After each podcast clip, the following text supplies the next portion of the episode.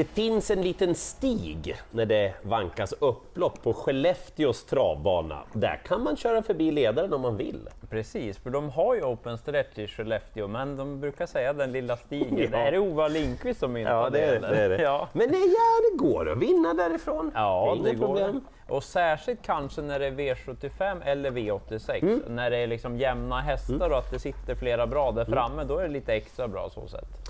Eh, det är jackpot, Spante. Mm, 16 miljoner kan en ensam vinnare plocka hem.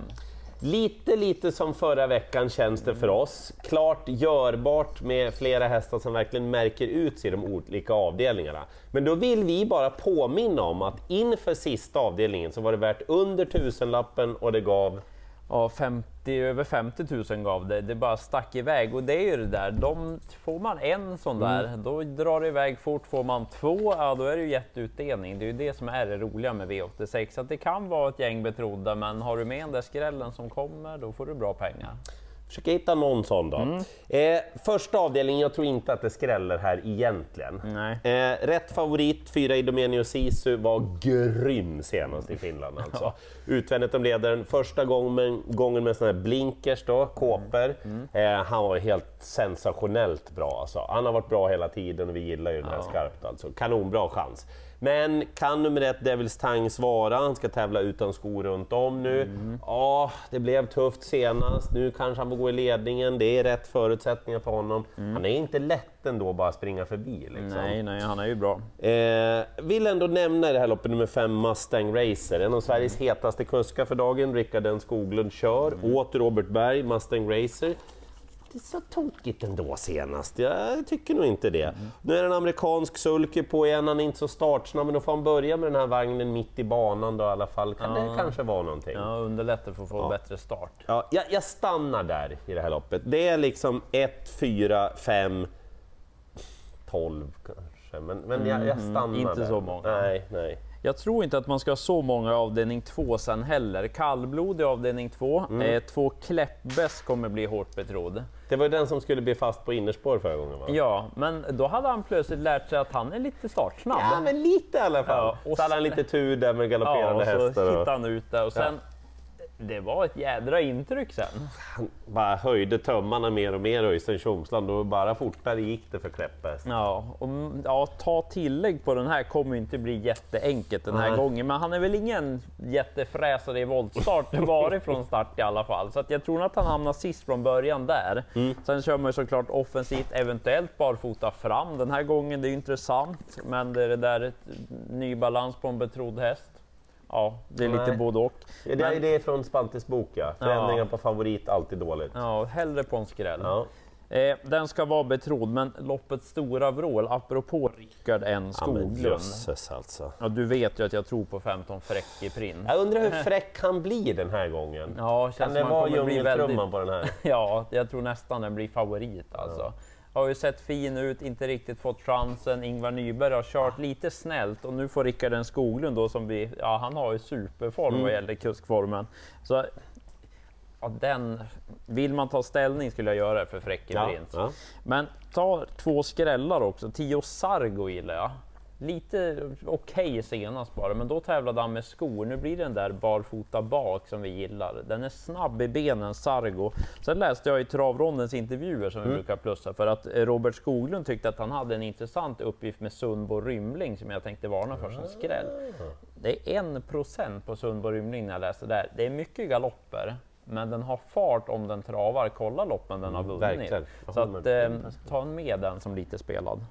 Eh, Jag drar en varningstriangel då, får se om vi kan eh, fälla favoriten som är jättestor när vi gör det här i V86.3, nummer två Jamie Sisu. Mm. Den här handlar inte om att det är något fel på Jamie Sisu eller att det inte skulle vara en häst med potential, för det är det, allting. Ja. Han checkar i alla boxar, förutom en, han är inte startsnabb. Nej. Och han möter tuffare hästar nu den här gången. Han har ju gått upp lite i klass. Ja, vi, vi börjar säga det att han ska nog vara favorit, men kanske runt 35 procent Mm, någonting kanske. Inte som nu när vi gör det här runt 60 liksom. Ja. Eh, jag tar dem i nummerordning, går det bra? Ja. Eh, tre I am Timmy. Jag tror att han tar ledningen i det här loppet, I am Timmy. Han är inte alls dum den här alltså. Nej, nej. Eh, han ska vara betydligt närmare i spelprocent än två Jamie Sisu. Nu vill jag varna för en jätteskräll, sju Bottnas Impuls. Jag gillade den här redan i tidigare i karriären. Då. Eh, nu tycker jag att Bottnas Impuls blir helt bortglömd den här gången. Man ska ta bakskorna eventuellt på honom. Han är vass från början dessutom. Ja. Per Linderoth ska köra. Ja. Är jättelite spelad. Eh, sen 12 Bollinger Bishop. Utan skor för första gången i karriären på Bollinger Bis- Bishop. Det var ändå rätt bra motståndare senast. Det är ett riktigt dåligt spår. Men apropå kuskar som är heta. Storchampionatsvinnaren. Mika, kan du sätta dit den här också då? Eh, självklart bör vi nämna också nummer 10, MT Puccini med Tony Granat. Det är ju en jättebra V75-häst helt enkelt. Ja, så är det. Eh, den, ska, den och Jamie Sisu ska nog vara likvärdigt mycket spelade. Ja. De kommer nog vara rätt nära varandra när starten har gått eftersom den ena är ganska snabb från början och den ena är långsam. Mm, just det. Jag stannar där. Ja. Eh, mera kallblod och jag sen. Nu Ja. är det högsta klassen och det är väl Sveriges bästa kallblod just nu. Definitivt. Sex Bäcklus Uriel som blir favorit. Svårt att klanka ner så mycket på honom. Alltså hur ser han ut för dagen? Och han har ju hittat, man, han har hittat en nivå och sen hittar han två till. Ja, han liksom allting, han checkar i alla boxar, Ja, ja, han ser ja. fantastisk ut, han är väldigt startsnabb. Det är ju lite intressant med det här loppet, just startsnabbheten. Mm. För han har ju stallkamraten som var jättefin senast, två BV Sture innanför sig. Mm. Den är ju bra i spets, BV Sture. Det Verkligen. är kort distans, men då är det det, det är stallkamrat och de har mötts tidigare. Mm. Då kom Bäcklus Uriel till ledningen och slog BV Sture lätt i Bollnäs den gången. Men vill man svara stallkamraten nu? Ja, vi får väl se. Jag tror tyvärr inte vi får något svar förrän efter ett par hundra meter i loppet.